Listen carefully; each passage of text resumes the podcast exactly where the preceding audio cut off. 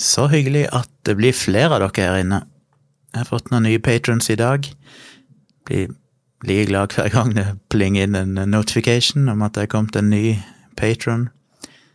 Setter jeg ekstremt pris på. Jeg håper at de som er nye, kanskje hører på dette, og kanskje vil høre de tidligere episodene av denne, det som jeg valgte å kalle en slags podkast, en liten intern, lukka, hemmelig podkast bare for dere få utvalgte lyttere. Um, I dag har jeg, i tillegg til min vanlige dayjob, uh, som daglig leder og webutvikler i et lite IT-selskap, der vi lager nettavisløsning for lokalaviser. Sjekk det ut på newsflow.no. Så har jeg jobba med bokprosjektet som jeg snakka om i forrige episode i natt. Og det er jeg litt gira på fortsatt, selvfølgelig. Um, men det er mye jobb. Jeg har sittet i dag og begynt å gå igjennom uh, alle Ja, inn på de som trykker bok, de hadde en sånn PDF der de på en måte tok for seg hvordan du setter opp ei bok. Det er mye en skal sette seg inn i, med alle millimeter og marger og hvordan ting skal henge sammen. Og jeg tror jeg har bestemt meg Jeg tror jeg har bestemt meg for å lage den i hardback. Eh, altså i innbundet bok. Av den skikkelige, solide, trauste sorten. Det koster jo litt mer, så det er jo en ekstra utgift. Men det er liksom det at Denne boka handler jo Altså, det, når jeg skrev Jeg har jo gitt ut to bøker før, som sagt. Placebo-defekten den ble jo først gitt ut som hardback, for det gjør de ofte i første opplaget. Um, vet ikke hvorfor, bare fordi det er mer fancy, kanskje. Men den er jo kommet, så kommer man vel ut i et andre opplag, og muligens et tredje opplag, og muligens et fjerde opplag, jeg husker ikke, i hardback. Men så begynte de å lage den i pocket for å ha det i tillegg, for da kunne de selge den litt billigere. Så den fins i flere opplag. Jeg husker ikke hvor mange han er nå, om det er fire eller fem eller seks. Men han er trykt opp noen ganger eh, fordi han er blitt solgt ut, og de må ha nye bøker. Det er jo veldig, veldig hyggelig. Nå har han ikke solgt så veldig mye de siste par årene, annet enn det jeg sjøl selger. Jeg fikk jo nylig sånn oppgjør fra forlaget mitt fra for 2019. Jeg husker ikke helt, han hadde vel solgt Ja, det var noen hundre bøker. Så selger de jo han som e-bok òg. Men jeg selger jo litt, ikke mye her heller, men det drypper ut noen bøker i ny og ne. Her ifra mitt eget lille kontor, som jeg snakka om tidligere, der jeg pakker og sender av gårde. Så bok er jo å få kjøpt eh, både i nettbokhandler, kan dere jo bestille den overalt, alle de kjente nettbokhandlene, eller rett ifra humanistforlag. Men når jeg selger de fra meg, så får dere jo den fordelen at dere får de signert, som er en sånn liten ekstra bonus, selv om prisen vel er den samme. Um, så den første kom ut i hardback, men jeg senere kom til pocket. Den andre boka, håndbok i krisemaksimering, den ble jo gitt ut i en sånn mellomformat som heter Jeg kommer ikke på hva det heter. Men den er jo på en måte en slags pocket, men der det er bretta rundt. Um, altså på en måte permen er bretta så det er en flapp på innsida, bakerst og fremst. Uh, så den er på en måte litt mer robust og litt mer fancy enn en helt standard uh, pocket. Så på en måte, hvis jeg hadde skrevet en helt ny bok, så er det selvfølgelig gøy å ha den som, i sånn hardback innbundet. Men da er det jo på en måte innholdet som er det aller, aller viktigste. Denne boka jeg snakker om nå, denne Sagsynt-antologien, den skal jo Selvfølgelig er innholdet viktig, jeg gir det jo ut fordi at jeg er stolt av tekstene og har lyst til å, å spre de og samle de. Men den har jo noe ekstra med seg, den er jo en litt sånn represent... Altså, den skal jo skal på en måte være en motvekt til internett. Altså skal være en motvekt til webversjonen av de tekstene. Og litt av poenget føles som at jeg skal ha en sånn skikkelig skal være skikkelig bok, liksom. Noe som er så langt ifra det å lese på skjerm som du kan komme. Da føler jeg på en måte at det må være såpass. Det skal være litt sånn prydgjenstand. Dette er på en måte min my legacy. Dette er min eh, oppsummering av alle årene jeg har skrevet så langt. Så jeg, jeg, føler jeg må ha det i hardback, selv om det som sagt koster litt mer. Så ja, så har jeg lagt på litt sånn andre valg som gjorde at boka ble dyrere, men sånn at han ser mer proff ut. Siden jeg ikke har peiling på dette her, så tok jeg utgangspunkt i placebo-defekten sin hardback-versjon og liksom studerte den for å finne ut hvilken størrelse jeg skal velge, for det er jo en del forskjellige størrelser du kan velge, og jeg ante jo egentlig ikke sånn hva stor skal ei bok egentlig være. Og litt sånn forskjellige valg du kan gjøre. Så jeg har prøvd å gjøre en mest mulig lik den, for den er jeg veldig fornøyd med sånn i, i kvalitet og utseende. Så begynte jeg å jobbe med tekstene, og det er jo en helsikens jobb. Eh, for jeg må sitte Jeg går litt fortere når jeg først er kommet i gang, men i starten satt jeg lenge og liksom får satt opp alle marger og sånn, og leste og studerte hvordan skal det egentlig være, hva skal skriftstørrelsen egentlig være. Eh, jeg måtte jo finne en font òg, og det kan være jeg ender opp med å endre det til slutt, men jeg har iallfall funnet en font som jeg tror kan funke. Så måtte jeg tenke litt gjennom formatet, for det du har liksom tittel øverst, velge hvor stor egentlig den skal være. Og så har vi jo en dato under, for at siden en del av bloggpostene er gamle, så er det litt viktig å, å ha en dato som viser at uh, jeg knytter de til et punkt i historien. Og, så, og at du kan på en måte se en slags progresjon, kanskje, i måten jeg skriver på, eller kvaliteten, eller et eller annet sånt. Og så kommer disse hashtagene under, da.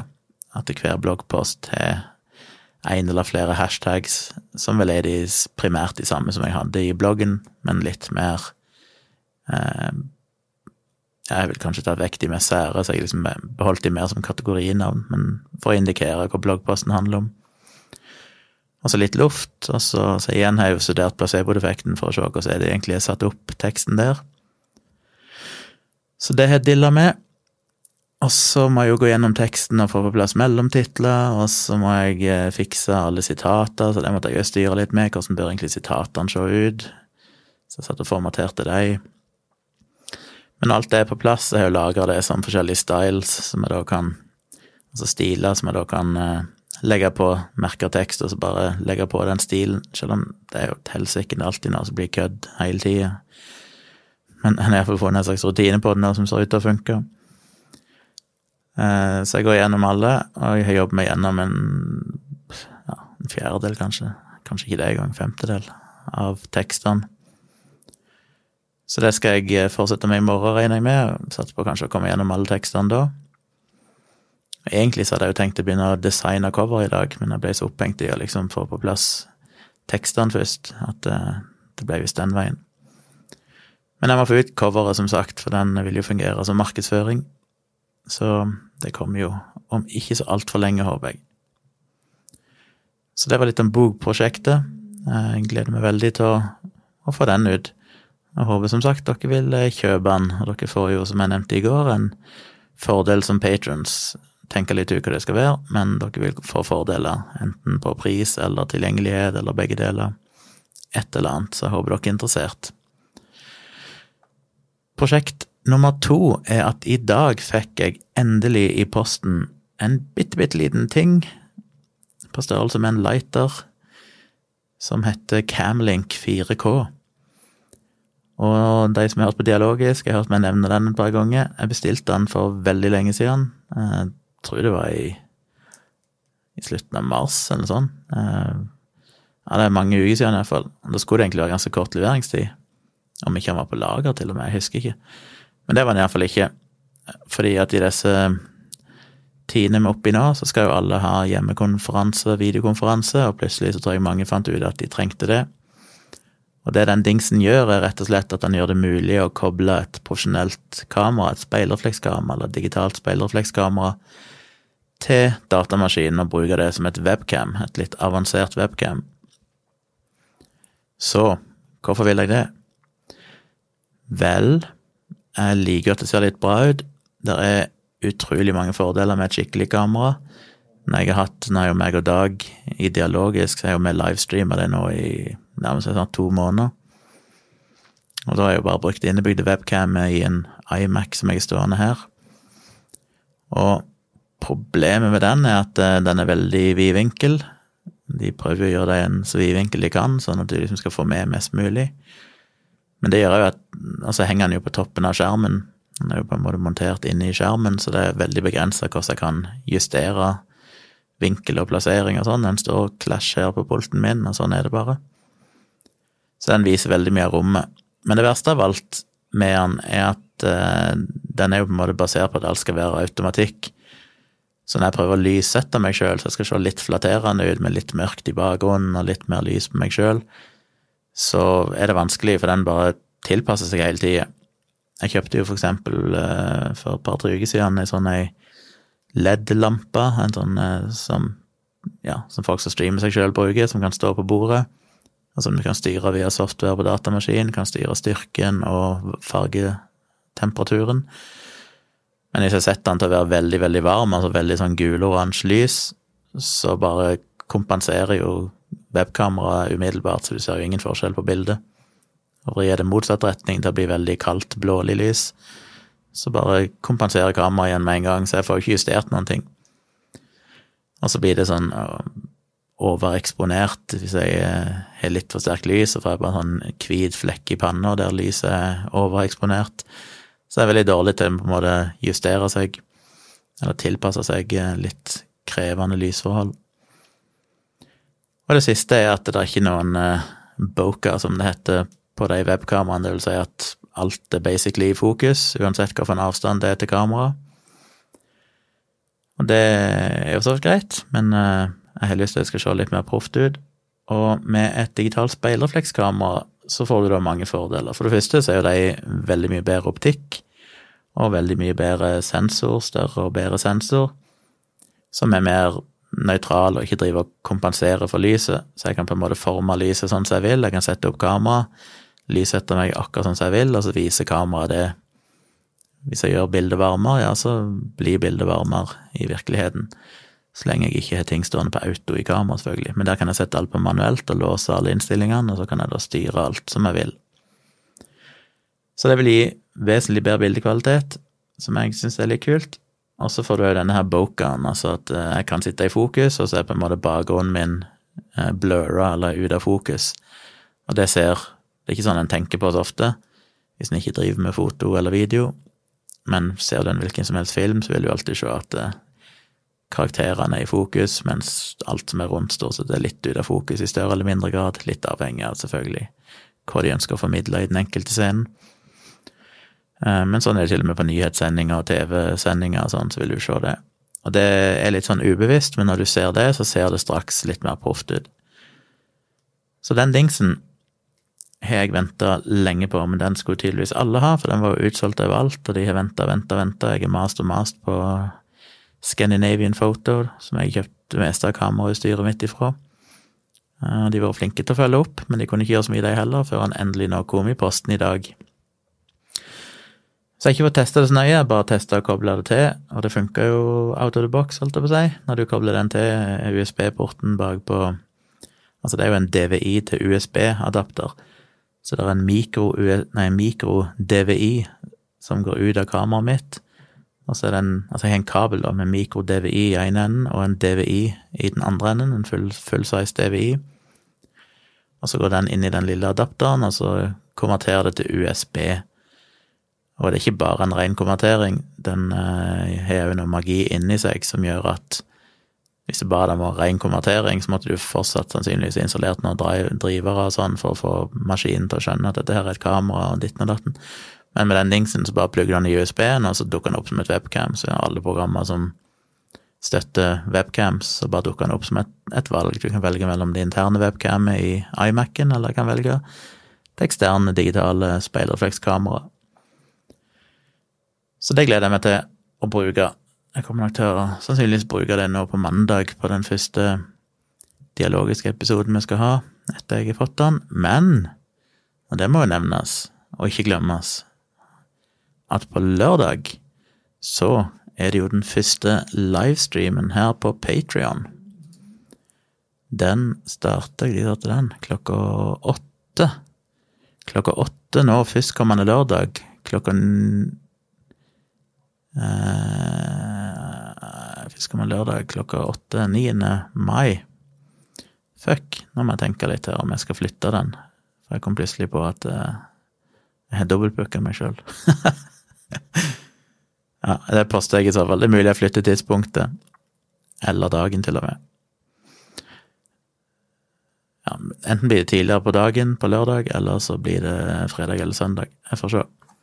Fredag det er jo i morgen, det. Kanskje det blir søndag. Søndag er kanskje en bedre dag uansett. Da er det flere som er hjemme. Jeg tror vi satser på det. Jeg tror kanskje jeg må flytte den til søndag. At det er det mest fornuftige søndag kveld. Men det kommer en post og informasjon om det så fort jeg har bestemt meg. Men nå i helg iallfall så satser vi på første livestream. Det kan jo bli en pinlig fadese der det absolutt er ingen som ser på. Eh, er det én eller to, så er jo det hyggelig. Men eh, vi får se. Forskjellen på livestreamen og podkasten er jo to ting. Det ene er at dere ser meg, uten at det er så fryktelig gledelig i seg sjøl. Men litt viktigere er det jo at dere kan være litt mer Altså det blir litt mer interaktivt. Dere kan kommentere.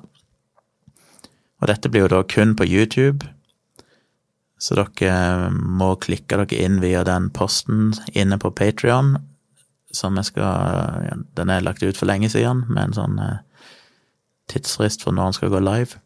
Så den ligger litt nede på sida her, så ligger det en sånn livestream, men jeg skal poste en link eller et eller annet til den igjen, sånn at den blir litt mer synlig. Um, og da klikker dere på den, og der kan dere kommentere på YouTube. Og alt dere skriver i kommentarfeltet på YouTube, vil jeg automatisk få opp på skjermen i det programmet jeg bruker for å livestreame. Og da kan jeg ta kommentarer dere skriver, hvis jeg vil det, så kan jeg løfte dem fram på skjermen, sånn at de vises for alle og eventuelt snakke og svare på det. Så jeg håper virkelig, virkelig, virkelig at dere vil delta, så ikke jeg blir sittende her flau alene og drite meg sjøl ut. Jeg håper dere har lyst til å Jeg ser ikke dere, så dere sitter der helt anonyme, jeg trenger ikke tenke på, på det, men jeg ser seertallet, så jeg kan se hvor mange som er innom. Nå er vi jo passert eh, noen og 40 patrons, så mer enn det blir det jo uansett ikke. Hvis jeg får 10-15, eh, så er jeg veldig fornøyd. Men det er jo gøy om flest mulig dukker opp. Jeg tror vi satser på søndag, så prøv å holde søndag kveld. Søndag kveld livestream. Alt dere trenger å gjøre, er å gå inn på patron.com slash tjomli. Det er mulig at dere kan gjøre det i appen òg, det er ikke sjekka. Uh, klikker deg inn på livestream-linken, så kommer du inn på YouTube, og der kan du på en sånn privat link som bare dere har tilgang til, eller bare dere vet om, så kan dere se streamen der når den starter. Utover det, hvis ikke jeg får noen veldig konkrete spørsmål eller innspill underveis, så blir nok den livestreamen litt som podkasten. Jeg kommer til å sitte og prate litt om ting og tang som jeg tenker på. Ting som er skjedd. Um, ja. Så det må dere være med på. Den siste tingen jeg ville snakke om, og som jeg har annonsert så vidt tidligere, er jo at nå som jeg endelig har fått denne Camlink 4K-dingsen. Han heter 4K, for jeg kan faktisk streame i 4K, men det kommer jeg aldri til å gjøre, regner jeg med. Det tar så mye båndbredde, og det er jo ingen som ser på i 4K omtrent allikevel at det ikke er noe vits i. Men teknisk sett kan jeg det. Um, med den så er jeg endelig det utstyret jeg trenger for å kunne livestreame en høytlesing av placebo-defekten. Og det blir òg eksklusivt bare for dere som er her på Patrion hos meg. Håndbok i krisemaksimering, den andre boka mi, den eh, streamer jeg høytlesning av tilbake i mars. Eh, like etter Norge hadde stengt ned pga. koronapandemien. Og den gjorde jeg først helt offentlig. Gikk ut på YouTube og Facebook, som eh, alle kunne se helt fritt og gratis. Men når jeg starta Patrionen nå, så fjerna de fra YouTube, og så har jeg lagt de inn her på Patrion, så dette, det er kun dere patrons som får se dem. Men den filma jeg da på en måte mens jeg bare satt i kontorstolen min foran webcamet på iMac-en, og det så ikke så veldig bra ut. Ikke at det var det viktigste, det er jo lyden som er det viktigste når en sitter og leser, men, men jeg hadde litt lyst til når jeg skulle gjøre placebo-defekten, så skulle det være litt mer forseggjort. Så da tenkte jeg å rigge opp kameraet nå, og speilreflekskamera, gjør det skikkelig, setter meg i godstolen som er bak meg her, en sånn lenestol jeg har, har litt skikkelig belysning, kanskje en kopp kaffe, og gjør det litt mer sånn koselig å lese. Men så er jo eh, krisemaksimeringsboka, den er jo på 180 cirka sider, mens placeboeffekten er jo på nesten 450 sider. Det vil si han er godt over dobbelt så lang. Så Og jeg brukte jo seks kvelder på å lese krisemaksimering, og da brukte jeg ca. en time hver kveld. Så altså rundt rett over seks timer brukte jeg vel. Nå fins jo placebo-defekten allerede som lydbok inne på nlb.no, som er et sånn eh, lydbibliotek for blinde og folk med lesevansker. Så min samboer har allerede hørt boka, for hun sliter litt med konsentrasjon og lesing, så hun søkte om å få medlemskap der, og fikk innvilga det, for du må liksom søke for å få lov å få tilgang, du kan ikke betale eller noe sånt. Har du først fått tilgang, så får du alt gratis. Og de har en del bøker der inne, blant annet placebo-defekten. Men siden det ligger inne i et sånn lukka system som du må søke på, og den er bare tilgjengelig for folk med lesevansker og sånn, så er ikke den så veldig lett tilgjengelig for folk. Selv om den er proft innlest av en eller annen dude. Men den brukte han da 13 timer og 25 minutter på å lese. Så jeg har lagt meg på at jeg regner med jeg kommer til å bruke omtrent samme tid som det, så en 13-14 timer. Så jeg så da tenkt litt, da, hvordan skal jeg gjøre dette, hva er det mest fornuftige. Krisemaksimering, den leste jeg hver kveld i seks kvelder. Det kunne jeg gjort, kjørt et lite sånn uh, maraton her med 13-14 kvelder på rad, men det er jo veldig forpliktende. Da er jeg liksom låst hver eneste kveld. En annen ulempe med det er at hvis noen da ikke har tid til å få med seg en høytlesning fordi de skal et eller annet, så får de på en måte ikke så veldig god tid til å catche opp og, og høre det, for de blir jo lagt ut etterpå som, som opptak uh, for patrons. Så hvis du ikke klarer å være med på selve livestreamen, så kan du klikke deg inn og se det etterpå. Det blir vel sikkert lagt ut på Vimeo eller noe sånt, for der kan jeg legge det ut helt privat, bare for patrions, men dere trenger ikke tenke på det, det blir liggende som en video inne i Patrion-sida mi, så hvor det ligger hen, er ikke så relevant for dere del. Men jeg tenkte kanskje å prøve å gjøre det mer sånn annenhver kveld, for da har en liksom en, en kveld pause imellom, og da er jeg jo litt mer fleksibel til å planlegge andre ting de kveldene jeg ikke skal lese. Uh, og så har jeg tenkt litt på hvilke dager er best, hvilke tidspunkt er best, og jeg er veldig usikker. Jeg er ikke spikra nå ennå. Min foreløpige plan er å gjøre det For jeg, må, jeg vil ikke bruke for lang tid heller, men hvis jeg gjør det mandag, onsdag, fredag og søndag, altså fire dager i uka, så kommer jeg meg gjennom det i løpet av en eh, liten måned. Cirka tre uker. Så det er mulig. Vet ikke om dere har noe innspill på det.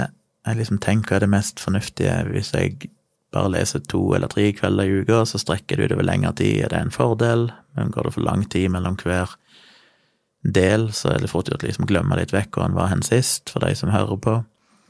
Så er det fint å ikke at det går for mange dager mellom hver gang jeg leser. Og så er det litt at jeg har lyst til å bli litt ferdig med det. liksom Når jeg først begynner, så er det jo en forpliktelse. Da kan det være greit at det ikke varer i månedsvis. Så ta gjerne innspill på det. Men i utgangspunktet så ser jeg for meg kanskje en sånn mandag, onsdag, fredag, søndag-greie. Så det blir jo to dager på rad av søndag og mandag, men utenom det så er det en dag imellom hver gang.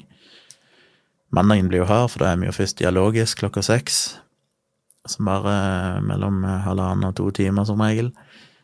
Så får jeg en liten pustepause, og så må jeg kjøre på med høytlesninga mi sjøl. Og da er spørsmålet når bør gjøre det. Først tenkte jeg sånn i ti-ti på kvelden, for krisemaksimering den begynte jeg vel på klokka eh, ni, tror jeg jeg begynte. Hver kveld.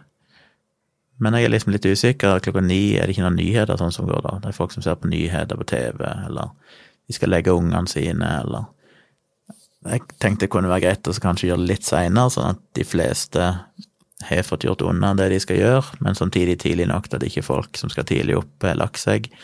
Så jeg lurte heller litt mot halv ti, 21.30.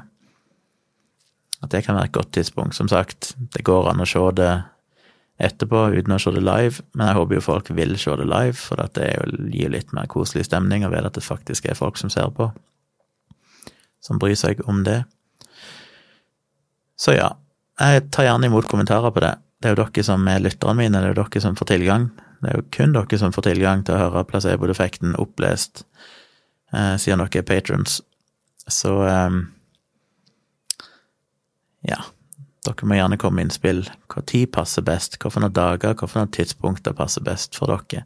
Skriv det i kommentarfeltet her under denne podkastepisoden Så får jeg iallfall noen innspill for hva dere syns. Og dere som ikke skriver nå, dere får bare ta til takke med det tidspunktet jeg velger.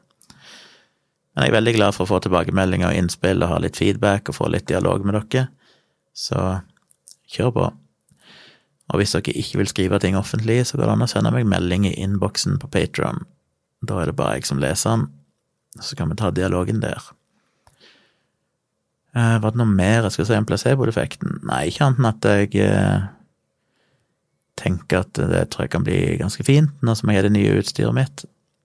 Da kan jeg få et litt mer profesjonelt oppsett og lage en liten produksjon som jeg kan være stolt av, og som blir liggende inne, ute og inne her på Patrion, sånn at fremtidige patrons som har lyst til å høre boka, kan da betale og støtte meg inn på Patrion for å få tilgang til placeboeffekten hvis de ønsker å få den som lydbok eller opplest.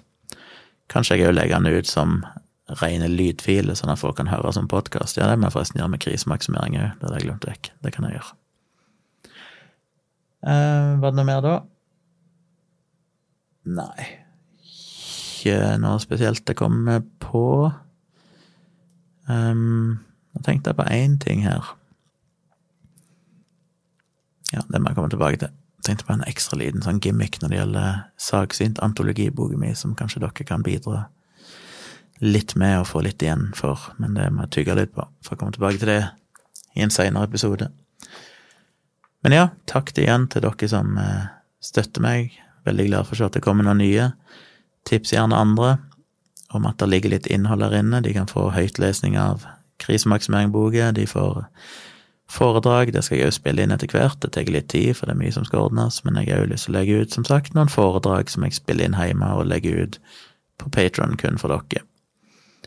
Og så er det jo denne daglige, foreløpig iallfall, daglige podkasten som dere får høre, som det er kun dere som får høre, og ingen andre.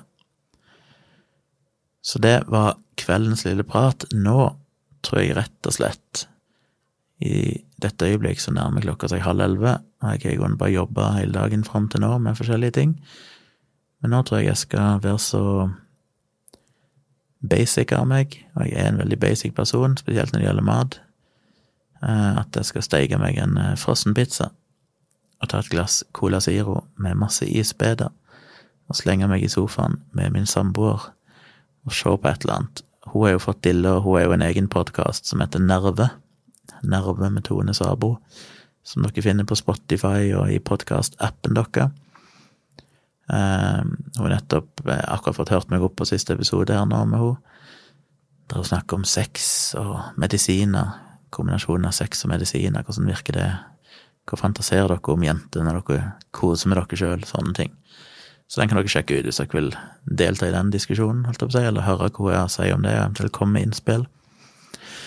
Nerve. Eh, men hun eh, snakka der om at hun har jo fått dilla på en sånn Formel 1-dokumentar som går på Netflix. Og hun har sett alt så langt, hun er jo i sesong to. Jeg har bare sett en og annen episode, men det er jo, det er jo dritkult. Fascinerende nok, for ingen av dere har noen interesse for motorsport eller biler eller noen ting sånn. Men det er en fantastisk bra dokumentar. Jeg mener, Formel 1 er jo spennende å se på, men du får liksom følge de forskjellige lagene i hver episode. Selvfølgelig McLaren og Renault og Mercedes og forskjellige lag. Og følge alt som skjer i kulissene der, og løpene. og Siste sesong var vel 2018, jeg tror andre sesong i 2019, så jeg tror det er sånn det er bygd opp.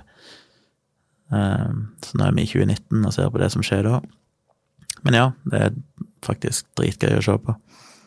Så sjekk gjerne ut den Formel 1-dokumentarserien på Netflix hvis dere vil ta sjansen på det. Men da har jeg snakka nærmere en halvtime som får holde for i kveld. Takk for at dere hørte på, og så høres vi igjen eh, i morgen.